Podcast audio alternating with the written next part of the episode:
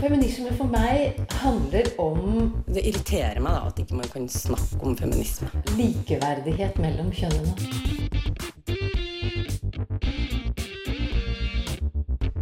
Det blikket på kvinnen på film. Det handlet det om å bli tatt på alvor som jente. Du hører på Et eget rom på Radio Nova. Den kan både tredeles, todeles og fjernes helt. Den har ikke alltid vært her, men har kommet snikende de siste 20 åra. Den kan ha med likestilling å gjøre, men hvordan har den i så fall med likestilling å gjøre? Dagens tema er pappaperm.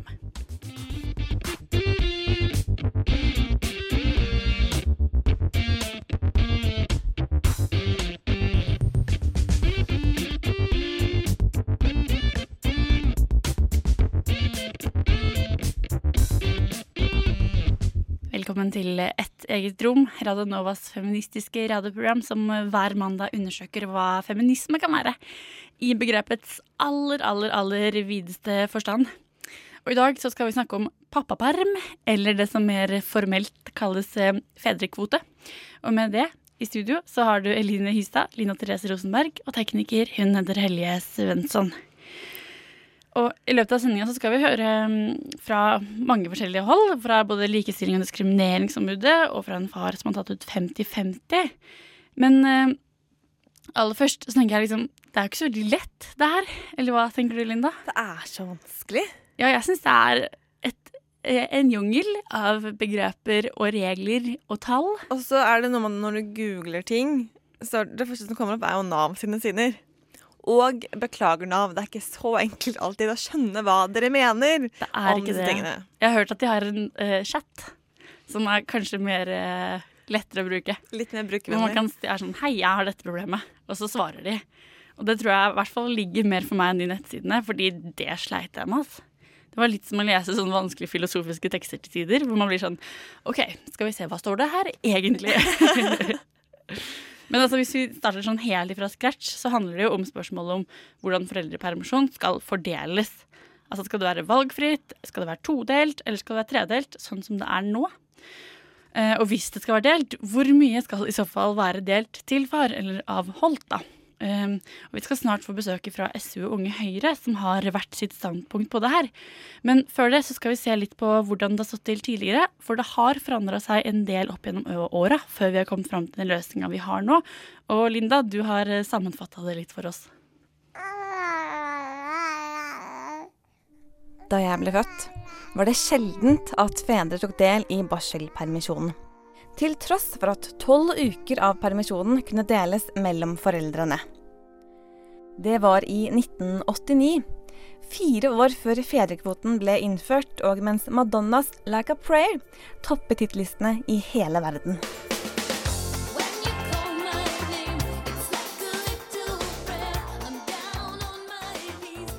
For holdningen i arbeidslivet til kvinner og menn har vært, for, har vært forskjellig. Vi har klart å forandre det gjennom denne politikken. I 1993, da Gro Harlem Brundtland var statsminister i Norge, ble det innført en egen fedrekvote på fire uker.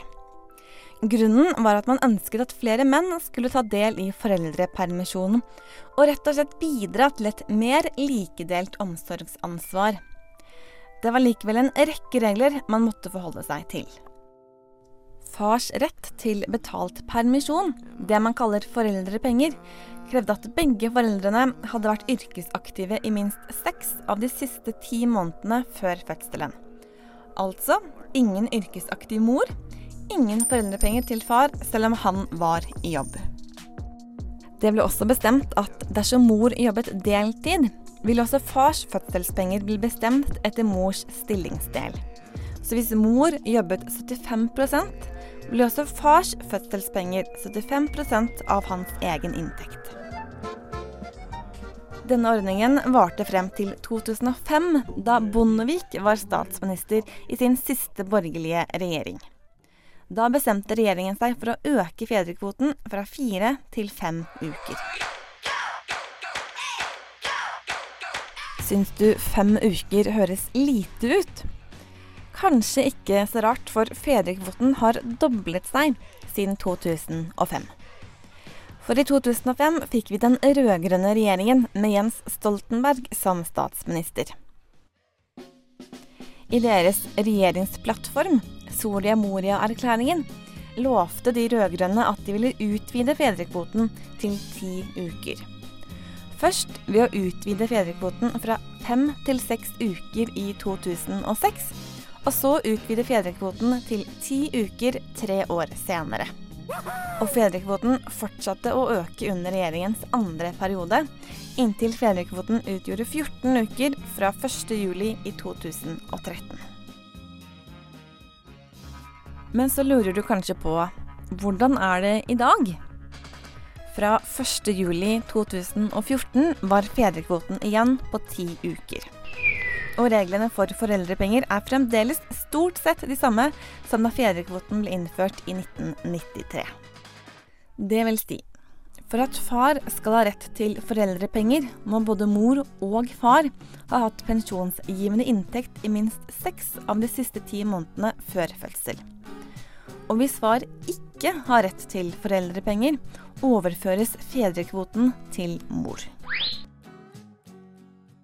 Det er likevel en liten endring som har skjedd siden 1993. For selv om mor jobber 75% av full arbeidstid, får likevel far 100% foreldrepenger dersom han jobber fulltid. Men hvis mor jobber mindre enn 75% blir også fars foreldrepenger redusert til det som tilsvarer mors arbeidstid. Sånn som det er nå, så er altså fedrekvoten på ti uker. Men er det egentlig den beste løsninga?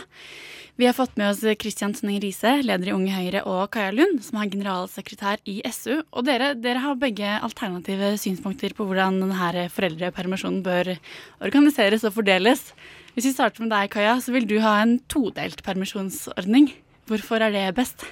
Um, ja, det vil jeg. Og jeg vil jo bare først si at uh, jeg er jo en del av et mindretall da, kanskje i SV. Uh, fordi sånn som forslaget til arbeidsprogram ligger nå, så er SV for en tredeling med 14 ukers kvote til mor og far, og en valgfri kvote også.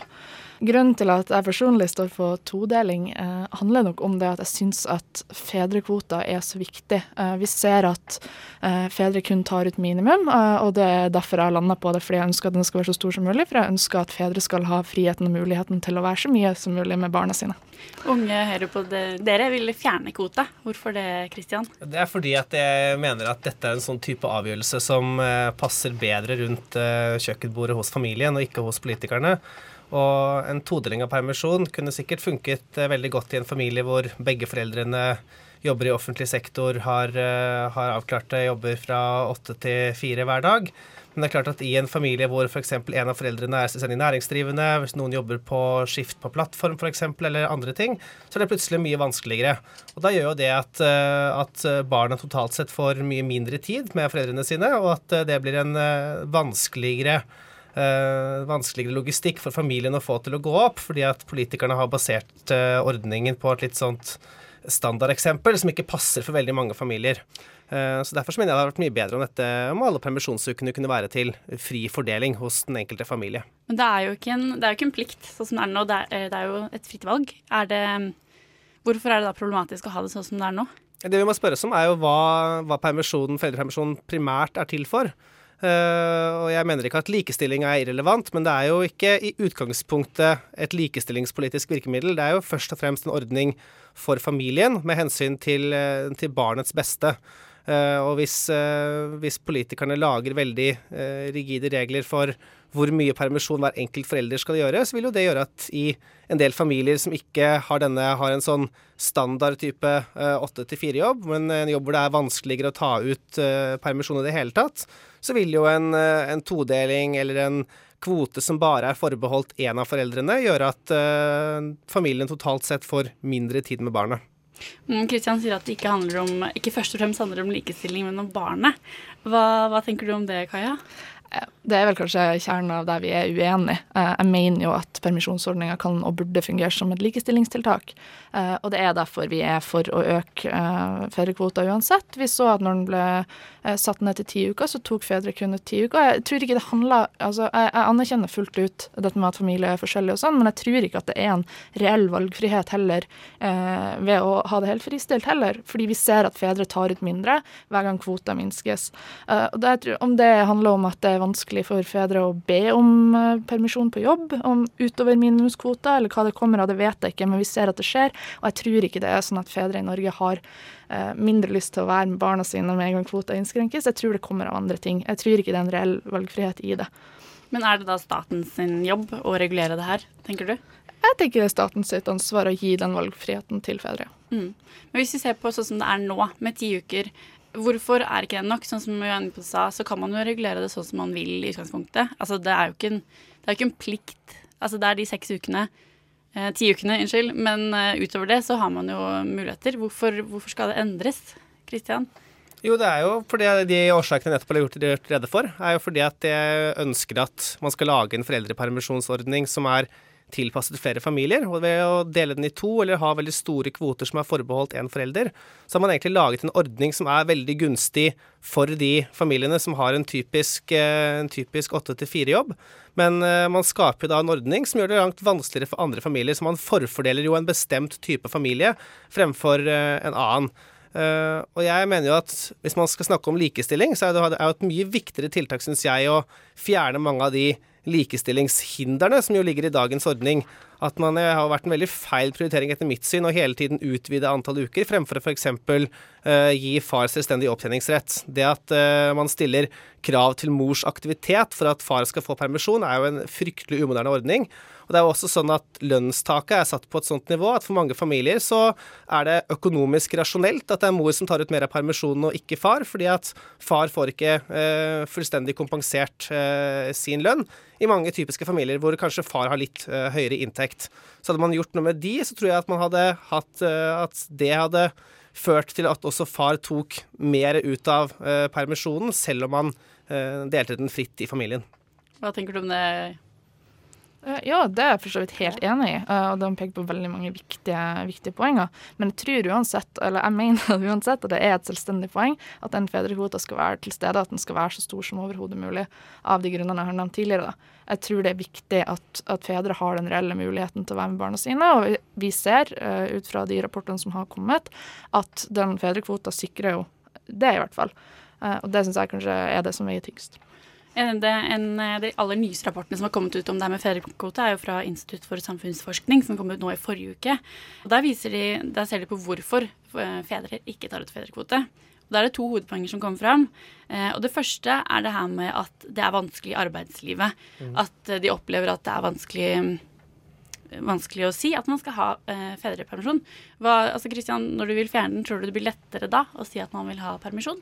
Jeg tror det blir lettere hvis man uh, hadde både innført selvstendig opptjeningsrett for, uh, for, far, og hadde gjort noe med, kanskje noe med inntektsgrensen også. tror jeg det hadde ført til at flere, uh, flere fedre hadde lyst til å bruke mer av permisjonstiden. Nettopp fordi det hadde vært mer altså økonomisk gunstig for familien.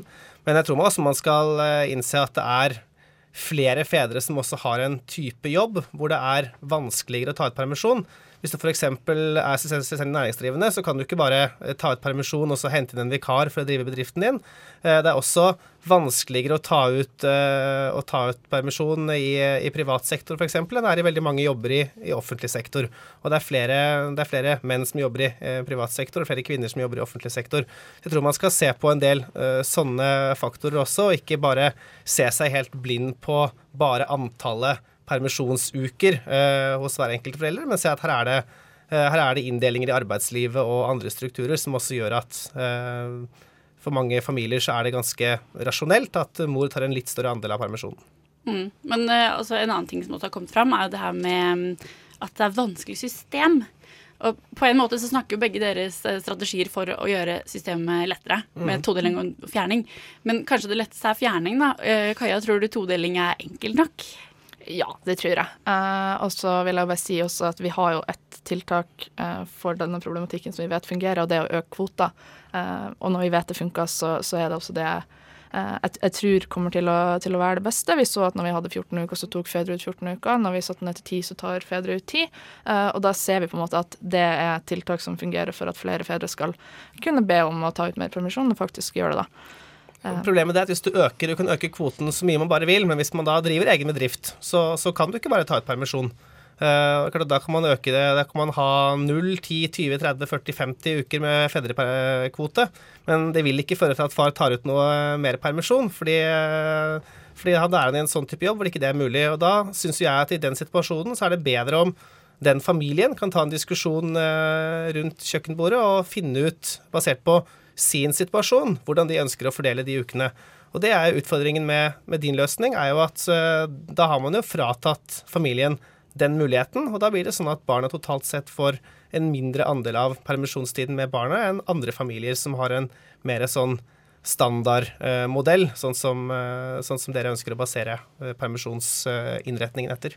Vil du svare på det, Kaja? Ja, altså jeg har en reell frykt i at det vil ikke være kun disse familiene det gjelder. Du vil også se en økning av kvinner som tar ut en større andel av permisjonen. Uh, men dette her går jo igjen da inn i kjernen av det vi kanskje er uenig i, som er hvorvidt at det skal fungere som et likestillingstiltak eller ikke. Uh, jeg mener at uh, sånn fedrekvota fungerer i dag, så gjør den det, og at det er udelt positivt. det er positivt hvis at flere menn også velger å bli hjemme med barna sine. Jeg tror det både er positivt for fedre som ønsker å tilbringe tid med barna sine, men det er også positivt for mødre som ikke skal være eh, låst fast til den rollen som skal være hjemme. da.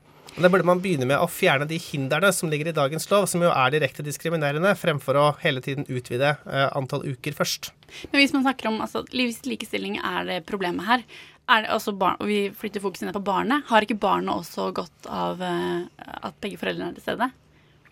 Jo, absolutt. Og derfor, det er jo derfor jeg syns det er uh, viktig at denne familien får lov til å ta den type vurderinger selv. Og så er jeg også i programkomiteen i Høyre har vi også sett på uh, muligheter for at f.eks. For foreldre kan ta ut permisjonstid sammen, men f.eks. bruke da, dobbelttid av, av permisjonen. Det er jo en sånn type løsning som også gir familiene flere valgmuligheter, og en større mulighet til å uh, tilpasse det etter, etter sin situasjon.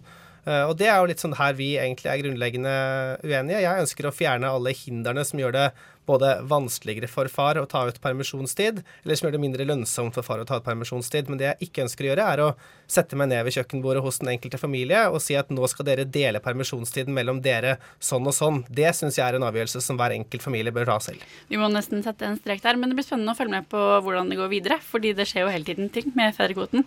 Tusen takk for at dere kom, Kristian Tonning Riise, leder i Unge Høyre, og Kaja Lund, generalsekretær i SU feminist, a person who believes in the social, political and economic equality of the sexes.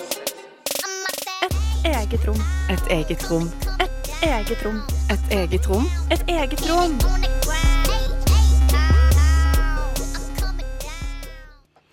Vi snakker altså om eh, pappaperm i dag, og vi har fått litt, eh, litt forskjellige ideer om hvordan fedrekvote kan organiseres og struktureres. Men det er jo sånn, eller man har jo sett tilfeller av saker der det virker som om det ikke er så lett da, for uh, fedre å ta ut permisjon. Jeg så blant annet at I mars 2013 så hadde Aftenposten en artikkel om familier der de får uh, bonuser fra farens arbeidsplass for at faren ikke skal ta ut pappaperm. Og det sier Aftenposten også at det faktisk er flere tilfeller av, da, sånn som de har hørt om det. Så arbeidsplassen til far betaler egentlig familien ja. ja, sånn som et eksempel der faren tok ut seks uker av tolv på dette daværende 2013-tidspunktet. Og så videre så var moren hjemme de neste seks ukene, og da får jo ikke moren betalt. Men det de gjorde på jobben til faren da, var å kompensere med en bonus, sånn at det på en måte fikk samme betalingsmengde. Så de kjøper på et vis ut fedrekvoten, da, og det er så vidt jeg kan forstå ikke ulovlig. Og det er jo også på en måte litt Altså, det er litt rart, fordi altså, det er jo frivillig. Det er jo frivillig. Man kan jo ta seks uker hvis man vil det. Sånn er det jo bare. Men det som er litt sånn fascinerende, syns jeg, da, med de her kildene, er at i saken til Aftenposten, er at det er mange som er veldig flau over det her. At de sier at de ikke har noe lyst til å snakke om det, de har ikke lyst til å stå fram med navn, og de sier jo at det egentlig er litt sånn ille at de ikke tør å fortelle åpne om det, men at det oppfattes som en veldig lite politisk korrekt løsning, da. Ja, altså det er jo veldig lite barnevennlig på en måte. Veldig litt likestillingsvennlig. Så det er litt sånn Man får litt inntrykk av at det er, pengene og karrieren som rår på bekostning av familien. Mm. Og det skjønner man jo ikke er så populært eller kult å si høyt. Ja. Men det er jo også, jeg tenker at det er ganske viktig å gå inn i det her da, med hvorfor fedre ikke tar ut fedrekvote, for å forstå hvordan fedrekvota fungerer i det hele tatt. da. Og Anne Marie Sunde hun har tatt en prat med seniorrådgiver og forsker Knut Oftum hos eh, Likestilling- og diskrimineringsombudet om akkurat det her, hvorfor fedre ikke tar ut, og hva slags konsekvenser har det. Det er ikke så veldig mange fedre som tar mer enn fedrekvoten. Når det gjelder eh, de som tar fedrekvoten, så er det 75% som tar fedrekvote eller mer. Men i de 75 så er det jo mest fedrekvotebruk, da. Når eh, Knut sier 75% så spurte jeg umiddelbart hvor er de siste 25? Det viser seg at de siste 25 enten ikke tar pappaperm i det hele tatt, eller de tar mindre enn det de har rett på. Hvorfor det? Institutt for samfunnsforskning har eh, gjort en undersøkelse som faktisk kom i går. Der de eh, har intervjua fedre om hvorfor de ikke tar eh, noe fedrekvote i det hele tatt, eller bare deler av fedrekvoten. De oppgir hovedsakelig to grunner. Det ene er at de opplever det som en risiko i forbindelse med jobb, inntekt og karriere. Og Det stemmer også ganske godt overens med en undersøkelse vi har gjort, der 22% fedre sier at de opplever det som risikofylt, og noen også opplever diskriminering, altså i forbindelse med foreldrepermisjon. Er det noen forskjell mellom kvinner og menn i den diskrimineringa med tanke på permisjon? I den undersøkelsen vi gjorde, så var det 55% kvinner som sa at de en eller annen gang hadde opplevd og, og følt seg eh, diskriminert eller forskjellsbehandlet i forbindelse med graviditet og foreldrepermisjon. Så dette er noe som vi kjenner godt til, egentlig. Men det som er litt spesielt nå, er jo det at nå som fedre begynner å oppføre seg mer som mødre, så opplever de noe av de samme problemene som kvinner og mødre har opplevd. Det er jo klart at arbeidslivet de, altså de opplever jo deler av foreldrepermisjonen som problematisk å håndtere. Og for dem er det jo litt det samme om det er en mann eller kvinne som er borte. Altså Det er fraværet som de får, eh, får litt hetta av, da, for å si det sånn. Når jeg spør Knut hvordan diskriminering menn gjennomgår, så kommer det tydelig fram at det på lang vei er samme diskriminering som jenter går gjennom. Både i jobbintervju og når de kommer tilbake på jobb. Men det var likevel én ting som guttene var spesielt opptatt av. Og så er det en del fedre som øh, opplever at de øh, Altså at de iallfall selv føler seg utrygge på om de taper karrieremessig på å være borte, og at ikke de blir sett på som nok dedikerte til jobben. Jeg spør òg om det finnes forskjeller mellom de forskjellige områdene i arbeidsfeltet, men det er ikke noe som finnes svar på. Knut forteller likevel at det er de rikeste og de fattigste mennene som tar ut minst permisjon. På spørsmål om hvorfor de rikeste er blant dem som tar ut minst permisjon, så svarer Knut at det mest sannsynlig henger sammen med det at de har oppgaver som krever sterk tilstedeværelse hele tida. Hvis jeg skulle tippe, så er det nok et segment der som har et tilstedeværelsespress på jobben. Altså hvis vi snakker om folk som skal følge opp en kundeportefølje, drive business, være på alerten får jeg si, hele tida i forhold til å drifte en bedrift eller altså den type jobber. da. Akkurat det å ta ut fedrekvote er nok relativt akseptert i mange bransjer. Men jeg tror du møter ganske mye motstand hvis du f.eks. sier at 'hallo, jeg blir borte et halvt år'. Da tror jeg nok du fort kan møte motspørsmålet 'men har ikke du en kone'? Det siste jeg spør Knut om, er hvorfor pappapermisjon er så viktig for likestillinga. Jeg tror det er viktig på mange områder. Så det har jo betydd en veldig eh, humanisering av mannsrollen, egentlig. Det har jo gitt menn både en tillit, men også en praksis. Det har jo gitt menn eh, en mulighet til å både vise at de har potensial i seg, og til å, å, å lære seg god omsorg. Det er helt klart at fedrekvoten gjør at menn tar mer permisjon, rett og slett. Det var Ann Marie og Knut Oftung fra Likestilling- og diskrimineringsombudet som snakket om hva fedrekvoten kan bety for menn i arbeidslivet. Og vi skal fortsette å snakke om eh, pappaperm her i et eget rom med Linda og Eline etter litt musikk fra amerikanske Airpop. Kanskje sjangeren også kan kalles airpop, jeg vet ikke helt. Men låta den heter i hvert fall Kill Me og finnes på Radio Novas A-liste akkurat nå.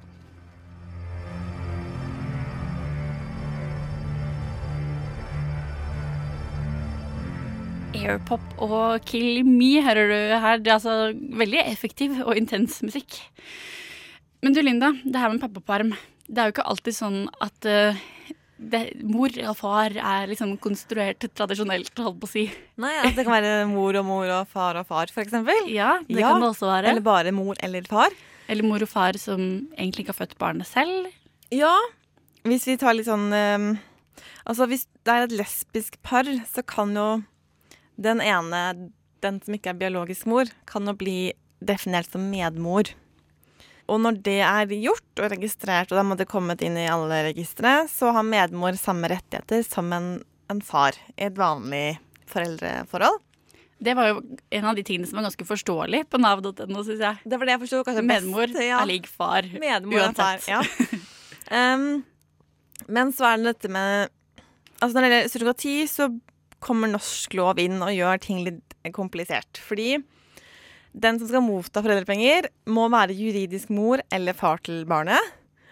Og etter norsk lov eh, så er det den kvinnen som har født barnet, som skal regnes som mor til barnet.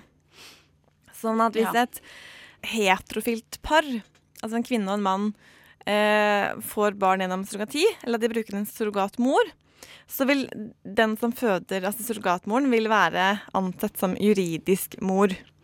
Her kan jo vise tilbake til surrogatisendinga vi hadde. Det her er jo ikke helt lett, men det er på en måte ikke helt lov med surrogati. Nei. I Norge da går man, eh, trosser man på et vis en del lover. Ja, og Den, eh, selv om man får en fødselsattest på at det er det norske paret som er mor og far, så vil fremdeles mor ikke være ansett som juridisk mor. Mm. Faren kan bli um, sett som biologisk far hvis han er biologisk far. Um, det er jo ikke alltid det er tilfellet, men hvis han er biologisk far, så vil jo han da ha rett på permisjon og foreldrepenger. Og da må mor adoptere, hvis jeg har forstått det riktig, Ja, ja. eh, barn. For hvis ikke, hvis ikke Og det blir jo kjemperart når man eh, har fått en fødselstest. Det er sånne rare, kronglete veier her for å få For man må være juridisk mor Ja. og juridisk far for å få det her til å gå opp. Ja. Mm, jeg tror den barneloven er det som sier at uh, den som føder barnet, er mor. Ja. Mm. Men hvis man er eh, et homofilt, altså to menn, så er det jo vel ofte at den ene er biologisk far. Eh, og da blir det jo litt annerledes, fordi at far nummer to kan jo ikke eh, i ja, disse papirene kan jo ikke settes opp som mor, fordi han er jo ikke mor. Du kan ikke være medfar? Det blir en medfar, men, men fordi at da vil da biologisk far bli registrert som biologisk far. Og så kan da medfar adoptere, småbarnsadoptere eller stebarnsadoptere. Og hvis det skjer mens biologisk far har permisjon, eller er det den permisjonsåret, så får eh, medfar muligheten til å ta permisjon.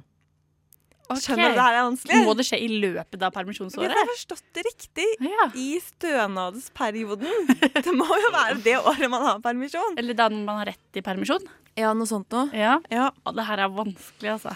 Eh, så det er, det, er helt, det er mulig å få Det er mulig, i hvert fall. Men det er litt eh, Det er denne barneloven som gjør ting litt kronglete. Ja, og så må man passe på, liksom. Man må passe på hvor man skal søke, og hva man skal gjøre. Jeg tror det er lettere hvis man er et par som adopterer et barn.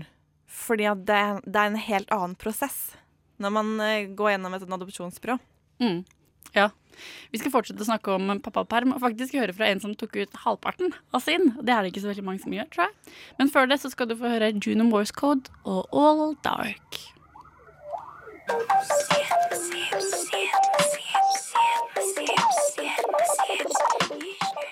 Juno Morse Code All Dark hører du slutten av her, litt sånn hviskende og nesten litt skummelt. Eh, Jeg har eh, faktisk snakka med en pappa som har tatt ut 50-50. Altså, da fordeler man helt likt. Jeg tror ikke jeg har hørt om noen som har fordelt likt før. Nei, jeg, egentlig ikke jeg heller. Vi fikk et lite tips, og det er vi veldig glad for. Og, så da fant jeg en person. Og bare sånn for å illustrere det, jeg vet ikke om vi har vært inne på det allerede, men det er jo altså sånn at man kan ta ut enten 59 uker eller 49 uker. Ja, Om du vil ha 100% eller 80 av Ja, Da er det snakk om hele foreldrepermisjonen. Så hvis man tar ut 50, da, så har man ca. et halvt år eh, give or take hver. Som er ganske mye. Det er ganske I forhold til ti uker, for eksempel. Og for det er sånn at han som jeg har snakket med, han heter eh, Einar Idsu Eidsvåg. Og jeg har liksom spurt han litt da, sånn, hva, hvorfor er det her lurt? Hvorfor burde flere gjøre det? Altså, Vi bare snakka om uh, hvordan vi skulle dele opp uh, hva heter barselspermisjonen. Og uh, da var det liksom Det første som slo oss, var at selvfølgelig skal vi dele 50-50. Men at det var noe særlig tanker vi gjorde rundt om det, annet enn at det skulle vi gjøre. Um, så sånn ble det. Så vi tok eh, ti måneder. Men hvorfor, eh, hvorfor tenker du at det er viktig da, å ta ut eh, 50-50? Altså, f- f- For min del så har det hatt veldig mye med min kontakt med Rasmus å gjøre, som nå er to. Eh, at eh, vi fikk masse tid sammen. Og at jeg fatter at han er ikke så knyttet til meg som han er til mammaen. Og så tenkte jeg på det også i forbindelse med arbeidslivet. Så la oss si man er 27 og kvinne og er i en intervjusituasjon. Så kan man lett eh, tenke som arbeidsgiver at eh, hun der kommer til å, å få barn snart. Og hun blir borte syv til eh, åtte måneder da. Men hvis man deler det, 50-50, går inn for det, la oss si at man lager en lov på at det skal deles 50-50, så vil det stille mm, kjønnene mer nøytrale i en arbeidssituasjon. Ja, at det blir sikrere for, eh, for både menn og damer, egentlig. Da, at alle veit at det er, det er ikke mer enn det det kommer til å Da er det ja. om man er mann eller kvinne, fordi man vet at vedkommende kommer til å være borte x antall måneder eh, om de skal ha barn. Mm, ja, det er et godt poeng. Men har du, har du fått noen reaksjoner på det? Nei, jeg har eh, ikke hørt det på jobben, men overraskende nok så var det kanskje eh, altså kjæresten min, mammaen til Rasmus, som fikk mest av det. At det var sånn eh, Du burde jo ikke vært sammen med barnet ditt nå. Er det ikke litt tidlig å, å, å etterlate han nå til pappaen og sånne ting som det? Og så er det jo noe som folk ikke er klar over, om, om at du har jo krav på ammefri. Vi valgte å amme Rasmus i seks måneder, men la oss si du velger å amme barnet ditt til barnet er ett år. da. Så har du faktisk krav på ammefri.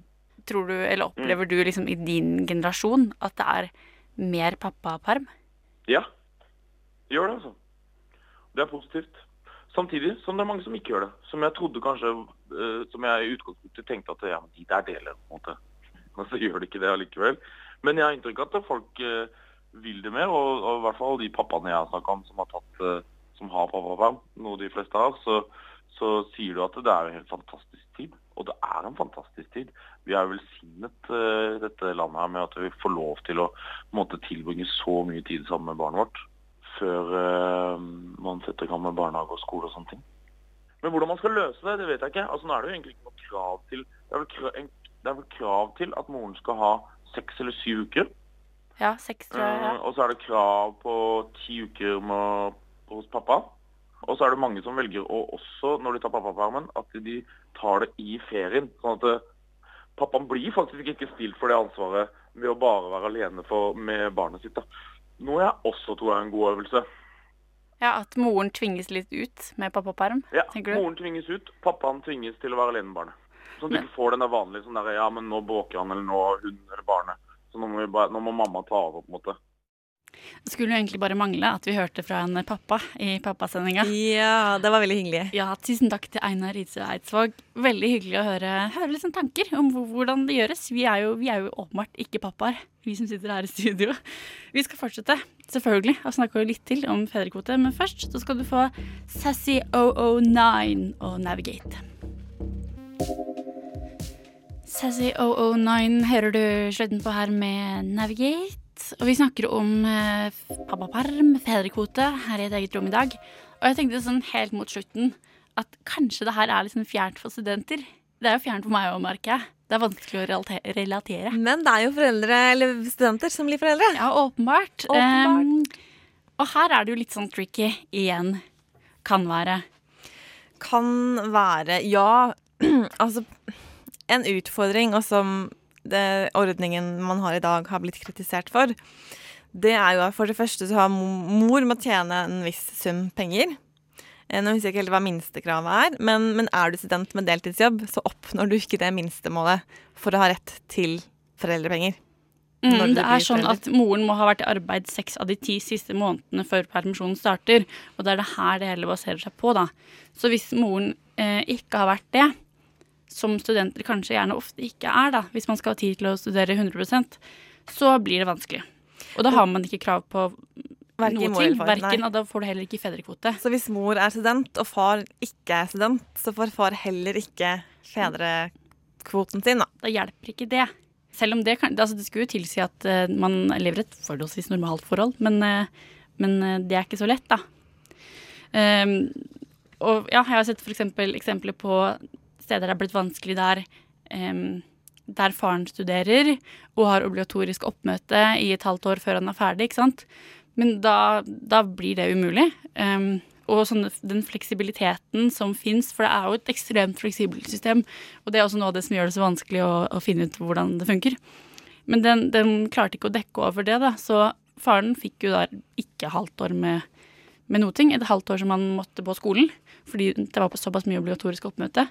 Så sånne tilfeller så kan jo det være kjempeproblematisk, da. Men så finnes det jo også andre tilfeller der der man får dobbelt opp. Fordi det er jo en sånn, det en sånn Man får penger fra Lånekassa, da, hvis Ja. man er student og får barn.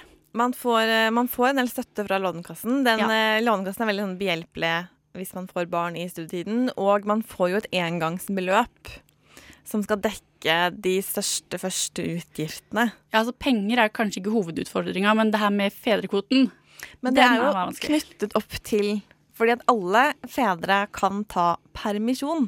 Men permisjon i seg selv tilsvarer ikke at man får penger. Nei. Så fedrekvoten innebærer at man garanterer at far skal få foreldrepenger i sin permisjonstid. Så Det er sett tilfeller der, der moren har jobba så mye deltidsjobb at hun har fått penger til at de får eh, rett til foreldrepenger. Sånn at man får både det og fra Lånekassen. Og da Men- lever man et veldig nice liv. Så må man også si at hvis, hvis mor er i jobb, men far er student, så vil man heller ikke få fedrekvoten fordi at far ikke har fylt opp kravet om å jobbe seks av de siste ti månedene. Ja. Det er i det hele tatt litt mer komplisert hvis du er student, eh, og da er ganske sannsynlig at du ikke har krav på fedrekvote, kan vi ikke si det sånn? Mest sannsynlig. Hvis du ikke har jobba veldig mye. Du får mest mye. sannsynlig ikke foreldrepenger i det hele tatt, om det er mor eller far. Mm. Da må du jobbe. Så hvis du planlegger å få barn, jobb. Nei da. Nei, men det, det er ordner seg jo med lånekassepengene, men det er eh, et litt vanskeligere system, da. Som ofte lager litt sånn rare og kompliserte saker. Mm. Altså, så fedrekvote virker litt sånn misvisende. Man tenker sånn at man får permisjon, men så er det penger det handler om. Ja, ja. Uh, vi nærmer oss slutten på det her kompliserte greiene, men eh, vi skal høre litt musikk til slutt her. Ekka og Last Chance to Dance. Last Chance to Dance, eh, passende tittel der, for vi er eh, ferdig med pappaperm-sending her i et eget rom i dag. Håper ikke at det var altfor komplisert. Jeg skal innrømme at jeg er helt forvirra. Ja. Men så vet jeg innen sinne at jeg kan det likevel. Ja, vi kan i hvert fall litt mer. Jeg håper du som hører på også kan litt mer. Og vi, skal, vi har litt lyst til å prøve å ha flere pappasendinger, og har vi ikke det også? Veldig lyst til å ha flere pappasendinger. Ja, så det kan bli en del av en serie.